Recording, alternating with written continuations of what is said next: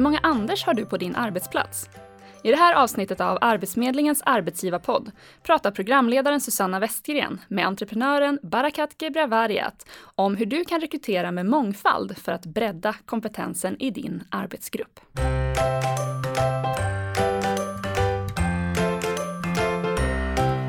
Välkommen hit Barakat. Tack så hemskt mycket.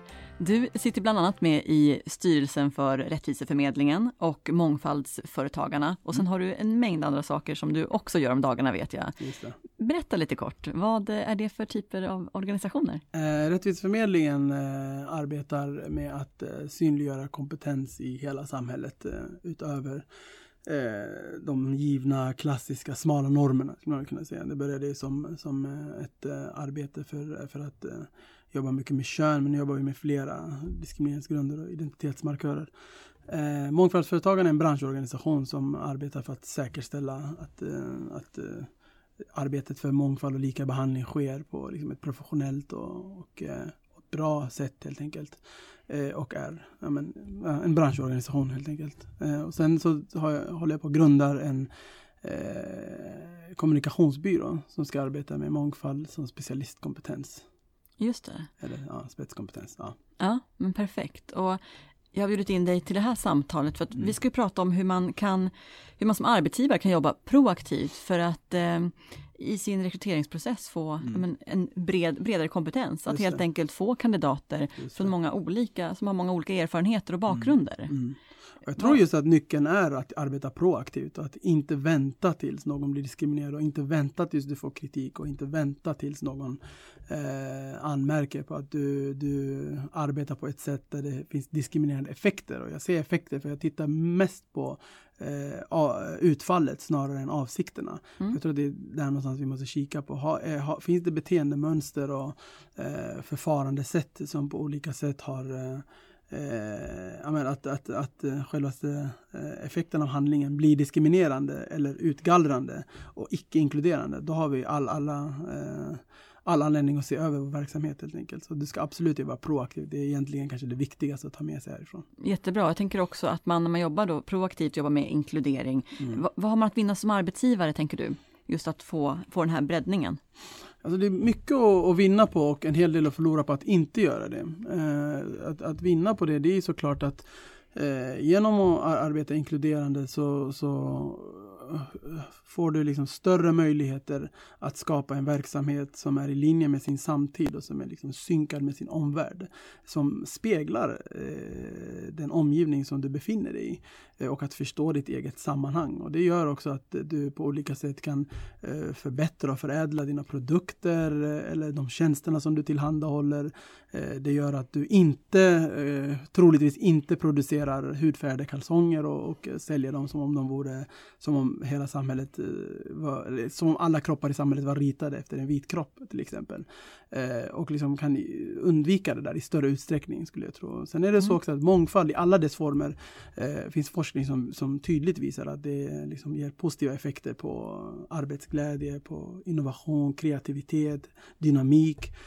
Och det gör det helt enkelt bättre rustad att mm. möta dagens utmaningar och att kunna tala med, din, med, din, med den tiden som du lever i. Mm allt det tycker jag låter väldigt bra. Och tänker jag att när man då ska börja med att se över, man har ett rekryteringsbehov som arbetsgivare mm. och börja se vad är det man söker för typ av person. Mm. Då redan i utformad, utformandet av en annons mm. så kan man ju då påverka lite grann vilken typ av kandidater som man Precis. får. Risken är att i en ännu tidigare skede, det vill ja. säga i din tankevärld, ja. så kanske du redan har en bild av vem det är du söker efter. Just det. Eh, och att du har en bild av att eh, den personen ser ut på ett visst sätt, bor i en specifik kropp, eh, kommer från ett särskilt område. Det, det här kanske... är så omedvetna normer som vi har i huvudet och de är delvis personliga men de är också väldigt mycket insocialiserade och liksom ärvda från vårt samhälle. Så ju mer medvetna vi är om det, så vi har, jag har gjort till exempel utbildat eh, olika företag där vi har kunnat pinpointa efter workshops vilken är din målgrupp. Och då har vi mm. kommit fram till att men, oj, vi visste inte att vi gjorde kläder åt människor som bor i vita kroppar, bor på Södermalm, eh, har vissa preferenser och en viss kroppstyp. Just det, Vi man tog det för givet. Man tog det för givet många gånger också för att man, det här är människor som, eh, det här är kroppar som avspeglar din egen, din egen kropp. Alltså du, det är människor som, som ser ut som du. Mm. Och det är det här som kallas för homosocial reproduktion. Just det är att vi tenderar att eh, rekrytera, anställa och ty oss till människor som vi tycker ser ut som oss. Mm. Eh, det kan vara till exempel det här som kallas för Anderskretsloppet och då skapar vi ett, en cirkel av homogenitet. Anderskretsloppet, vad är det? Anderskretsloppet eh, fick jag höra, det är första gången jag hörde det var från Amanda Lundetag eh, som är VD för Okej. the way, alla som lyssnar, följ henne på sociala medier och bara följ hennes resa, hon är super, super klok. Mm. Eh, och det är helt enkelt att eh, det finns fler chefer som heter Anders än är kvinnor. Ah, Och det där är ju knappast, det vore liksom, jag kan inte tänka mig att någon hävdar att det är för att det är de i särklass mest eh, kompetenta människorna på, i samhället. Utan det har att göra med andra faktorer. Och det är att eh, människor i maktpositioner tenderar att rekry- rekrytera människor som liknar dem, ser ut som dem. Man gör det oftast i informella miljöer. just det. det är på alla sätt och vis en, en, en väldigt eh, mänskligt interaktionsmönster. Det betyder inte att det inte finns någon fara i det. Just det. Eh, Ja. I den bemärkelsen att, att, att, vi, att vi riskerar att, att eh, hela tiden eh, röra oss i, i, i smala nätverk. Och rör du dig i smala nätverk så kommer du troligtvis också använda det som ett urvals, urvalsgrupp. Och då, då krävs det liksom ingen eh, fantasi för att förstå vad som händer då. Mm. Mm. Så det, det börjar helt enkelt uppe i huvudet när man ska eh, se över vilken typ av kandidat man behöver. Genom att vara medveten där så kan man också se lite grann, ja men vad kan, vad kan jag och vårt företag göra för att Mm. eh, förnya bilden av eh, vilka kandidater som kan vara lämpliga för den här tjänsten. Precis, precis. Och sen Exakt. inte ha för snäva nätverk Ja, då. exakt. I en annons, Mm. vad tänker man kring det? Man utformar en annons. Mm. Och då tänkte jag säga att nu skriver man, man skriver en annons. Mm.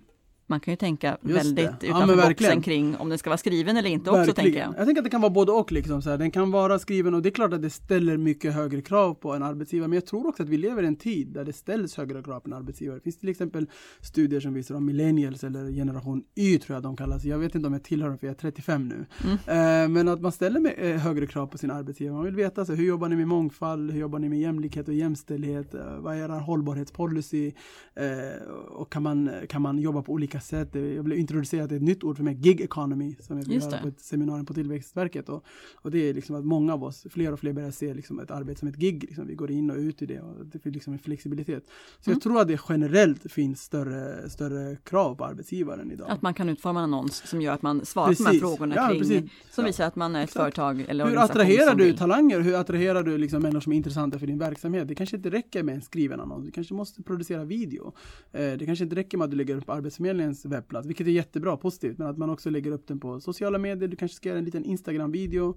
Eh, du kanske ska använda Twitter som är rekrytering, som många gör redan det, men att ha liksom en sammanhållen strategi för hur du ska jobba brett. Det handlar inte bara om att eh, söka brett eh, och, och, och, och ha en bred... Det handlar både om att söka brett, höll jag på att Mm, säga, mm. och att eh, också tänka brett i vilka du ska rekrytera. Just det. Tänker utanför dina invanda mönster. Det handlar om att röra sig utanför sin trygghetszon. Mm. Och det handlar om att eh, vara innova- innovativ. Och att det handlar om att inte göra saker som du alltid har gjort för då får du alltid samma resultat. Ja, perfekt. Det är en bra livsfilosofi eh, by the way. Ja, men det är det också. verkligen. Testa någonting nytt. Ja, Och jag tänker att det här med avidentifierade ansökningar, det är Just det. någonting som jag hör allt oftare. mm, Att man helt enkelt, att det inte framgår för arbetsgivaren som läser ansökan just det. vem det är som har skrivit den, så att säga. Vissa Precis. saker står Ja. inte med, Just det. eh, gällande kanske namn, kön och så vidare. Mm, just Vad tycker du om jag det? tycker att det är, alltså, givet att vi tänker i en, här, en stor verktygslåda. Jag tänker inte, det finns inte ett givet svar. Men det, om vi använder liksom olika verktygen i den här, den här stora uh, verktygslådan då. Beroende på hur våra förutsättningar, våra behov och, och våra önskemål ser ut såklart. Men det, det där tycker jag absolut är en bra ett bra verktyg, ett bra instrument. Eh, för att åtminstone komma till bukt med de, tidiga process, de tidigare processerna. Liksom, att kunna eh, göra sig själv relativt immun mot att diskriminera redan i det tidiga skedet. Att inte använda namn som markör eller postadress som markör. Eh, vi kan ju omedvetet läsa in väldigt mycket i, väldigt mycket helt enkelt. Och där tror jag att det här kan vara ett bra sätt att försöka komma undan det.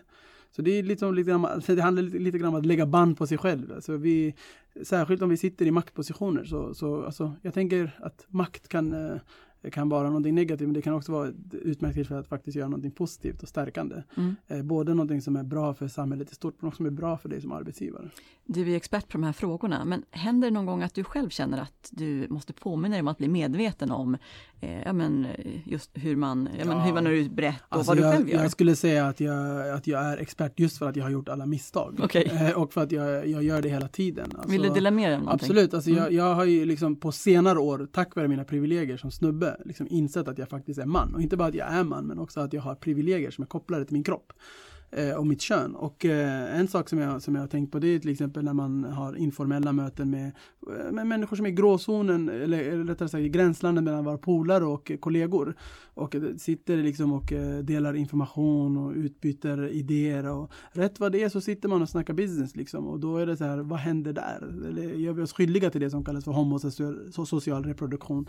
Eh, är det så att vi riskerar att utesluta de, de kroppar som inte är närvarande i det här informella rummet. ja, det. självklart är det så. Mm. Så det gäller att nypa sig i armen hela tiden. Och vad stora företag som har, som har omsättning och möjlighet att göra det är till exempel anlita Critical Friends Mm. som är, som är liksom, så, så vitt jag vet importerat från Storbritannien.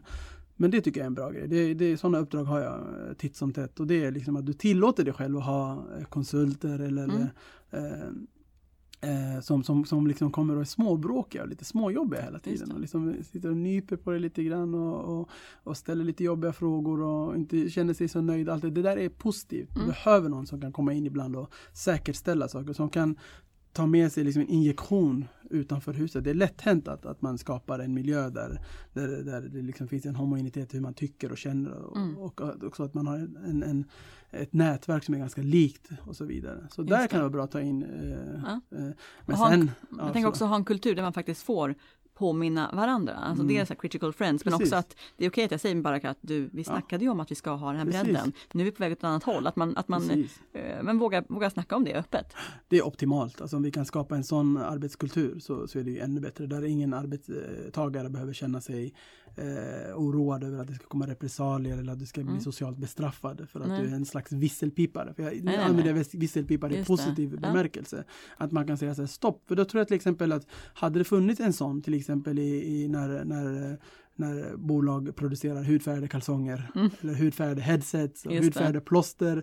Så då kanske någon hade sagt stopp nu, hur tänker vi? Vilka kroppar utgår vi ifrån? Vad är det för normer som liksom sitter och, och, och, och, och gömmer sig i våra huvuden? För att de här idéerna går över till ett beteende som går över till, till en policy eller, eller ett, ett styrdokument där vi faktiskt eh, till syvende och sist faktiskt skapar en produkt utifrån våra huvuden. Mm. Det är ju som med alla idéer, de börjar i huvudet och sen slutar de i verkligheten. Ja. Så i den processen så är det bra om vi kan vara normmedvetna.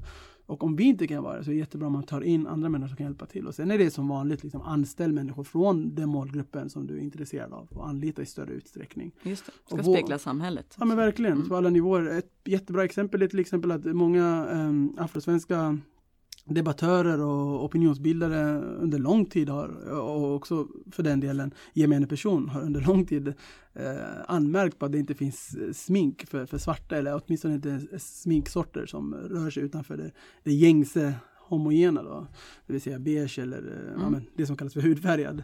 Och eh, när, när du får Mm. höra sån kritik som arbetsgivare, ibland Mm. så är det jättebra att förstå att det är marknaden som talar Mm. till dig. Det är Ja, din målgrupp som försöker initiera en dialog. Ja, ibland kan det vara hett, ibland kan det vara hett, Mm. men fortfarande så är det ju faktiskt bra att spetsa öronen och liksom vara en aktiv del av ditt sammanhang och bredda ditt sammanhang och inte tänka att det där har ingenting med oss att göra. Det har jättemycket mer att göra. Så vad som händer är att du missar ju faktiskt konsumenter och du missar potentiella människor som du skulle kunna anlita och anställa eh, för att hjälpa till med det här breddningsuppdraget. Mm, men tycker jag är jätteviktigt viktigt att du tar upp också att det känner man att man som arbetsgivare tycker att det här är jätteviktigt men vi behöver nog lite mer input från någon Mm. som jobbar med det här Mm. på ett konkret sätt. Då finns det jättemycket information att Ja. hämta konsulter som man kan kontakta. Ja, men, och, alltså det finns allt ifrån aktivister till sociala entreprenörer till för forskare till författare till eh, opinionsbildare, debattörer. Det finns ett vibrerande eh, Absolut. samhälle som, civilsamhälle som arbetar med just de här frågorna och har gjort det. Och nu ser man till exempel att företag som H&M och Åhléns liksom börjar, börjar, börjar vakna till. Och det är Mm. jättebra, det är verkligen välkommen till matchen. Och det är om, om några är stora och viktiga arbetsgivare. Det är positivt att de blir en del av det här, av det här eh, utvecklingssamtalet. Men, men samtidigt så är det också så här, vänta inte tills kritiken kommer, vänta inte tills någon faktiskt blir diskriminerad, vänta inte till, till du inser, oj gisset, vi förlorar pengar på det här. Mm. Utan var proaktiv, mm. jobba med det innan. Det ligger också i, i ett företags intresse att, att vara fram, framsynt och kunna göra prognoser inför framtiden och anpassa sig därefter. Just det. Vi lever i liksom ett föränderligt landskap och saker och ting händer liksom kanske till och med en transformativ period och då är det, var, var en del av det, var med i matchen, mm. gå helst i bräschen om du, om du kan. Men bli inte omkull, om, omsprungen, det är mycket det som händer. Många kunder och klienter som jag besöker liksom har inte riktigt varit med i den här uppdateringsprocessen. Eh, vi lever år 2016 och tänker som om det vore 1996. Mm. Och den diskrepansen, det glappet, måste vi lära oss att liksom täppa ihop helt enkelt. Bra. Du, intervju kommer man ju till sen förhoppningsvis. Ja. Eh, och eh, vad ska man tänka på som arbetsgivare där? Man har förhoppningsvis då gjort en medveten process från mm. att man har funderat på eh, vilken typ av kandidat man söker, mm. tänka brett där. Man har utformat en annons som mm. vi pratade om som kan vara både i videoformat, skriven, mm. kanske på olika språk mm. och spridd i sociala medier och andra sammanhang. Precis. Och så får man då göra ett urval av kandidater. Sen kanske det är avidentifierat eller inte mm. beroende på. Men så sitter man där i intervjusammanhanget vad kan man tänka på då som arbetsgivare för att känna att man är medveten och mm. är en, eh, ja men, eh, företag eller organisation som visar på att man eh, har alltså, en bred... En grej som jag tänker på är såklart, det är nyckelord lite för mig, det är frågor. Det är ja. intervjusituationen ja. handlar väldigt mycket om ja. frågor. Inte bara vilka frågor du ställer som arbetsgivare, men mm. också vara beredd på att få frågor från arbetstagaren. Mm. Arbetstagaren kanske mycket väl undrar, hade jag varit arbetstagare så hade jag mycket väl undrat, men hur, hur jobbar ni med inkludering? Mm. Så här, hur viktigt är, är, är, är hållbarhetsarbete för er? Och hur tänker ni kring hälsa till exempel? Alltså sånt som verkligen intresserar mig, som jag är passionerad över. Är du beredd, är du redo att svara på de frågorna? Det tror jag kan spela roll. Det, mm. det är en grej. Eh, en annan grej är liksom vilka frågor du ställer. Alltså vilka av de här frågorna är kompetensbaserade, vilka frågor är mer kopplade till magkänsla och kopplade till, till, till social kompetens. Alltså om, om du och jag gillar Håkan Hellström eller har samma landställe. Ja. Det där kan vara sociala exkluderingsmekanismer. Det kan vara de här koderna som vi använder som kanske inte är egentligen livsviktiga för arbetet men där vi tänker att den här personen måste vara lämpad för arbets, mm. arbetsgruppen. Jag har full förståelse, jag är själv arbetsgivare, att fundera över så här, kan den här personen passa in? Det handlar inte om att inte ställa den frågan, det handlar om vilka premisser den här frågan vilar på. Mm. Vad menar vi med passar in? Vad menar vi med lämpliga? Och vilka liksom osynliga koder rullar i, i, i, våra huvuden när vi, när vi ställer de här, de här frågeställningarna. Så var lite aktsam helt enkelt när du ställer de här frågorna och försöka vara mer, alltså, eh, mer fokuserad på saker som man faktiskt kan ta på. Eh, än snarare de här lite mer luddiga sociala koderna. Mm. De, de, kan ha mycket mer exkluderande verkan än vad du tror. Mm. Bra. Vad tänker du om man ska ge ett tips? Mm. Det här är jättesvårt. Men om man som arbetsgivare känner att det här låter spännande. Mm. Vad ska jag göra för att komma igång? Vad, vad tycker du är det första man ska göra för att eh, komma igång med en bredare, eh, att tänka bredare kring eh, rekryteringsprocesser? Ja, det här är närmast klyschigt att säga, men det är, det är liksom, om du känner att du är lite osäker så tror jag att det är en bra plats att börja på. Det är liksom utbilda dig på olika sätt, kompetensutveckla, utbilda dig, eh, ladda ner eh, prylar på, på internet och följa olika intressanta konton. Du kan gå in, eh, du kanske råkar surfa in på www.barakat.nu, vad vet jag men, men att, att, ta hjälp om du tycker att det är jobbigt där i början. Mm. Det är mm. liksom en väldigt konstruktiv plats att börja på. Och det är att, att, att liksom eh, någonstans um, uh, insupa all den kompetens, den kapacitet och den kunskap som de facto finns.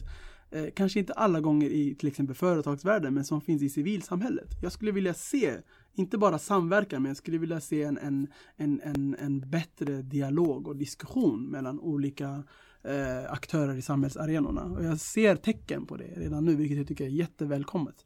Men jag skulle vilja se lite mer av det där. Och det är liksom att eh, vi inte betraktar oss själva som isolerade öar i samhället utan att så här, näringslivet är en del av, av det politiska livet och det politiska livet är en del av civilsamhället och civilsamhället är en del av eh, och så vidare. Tillsammans utgör vi liksom det här, det här samhället som vi kallar, som vi har valt att kalla för Sverige. Eh, och eh, där någonstans så skulle jag vilja se att, att vi någonstans börjar på när, när vi känner att, att vi inte har tillräckligt med kunskaper och erfarenheter, ja, då får vi liksom ställa frågan till, till vår omgivning. Och eh, jag gillar väldigt mycket reach out. Jag gillar väldigt mycket när, när du det, det räcker inte med att rulla tummarna och tänka så här, men alla får ju söka det här jobbet. Mm. Absolut, rent formellt kan vi göra det, men i praktiken så finns det osynliga hinder och barriärer. Så då kan ju du gå och möta målgruppen. Mm, så att utbilda sig kring det här, det är första steget. Ja, alltså det, det låter så torrt att säga det, men ja, jag tror att utbildning och kunskapslyft och eh, kompetensutvecklingar kan vara första steget, absolut. Tusen tack för att du kom hit Tack idag för, tack för att jag fick komma.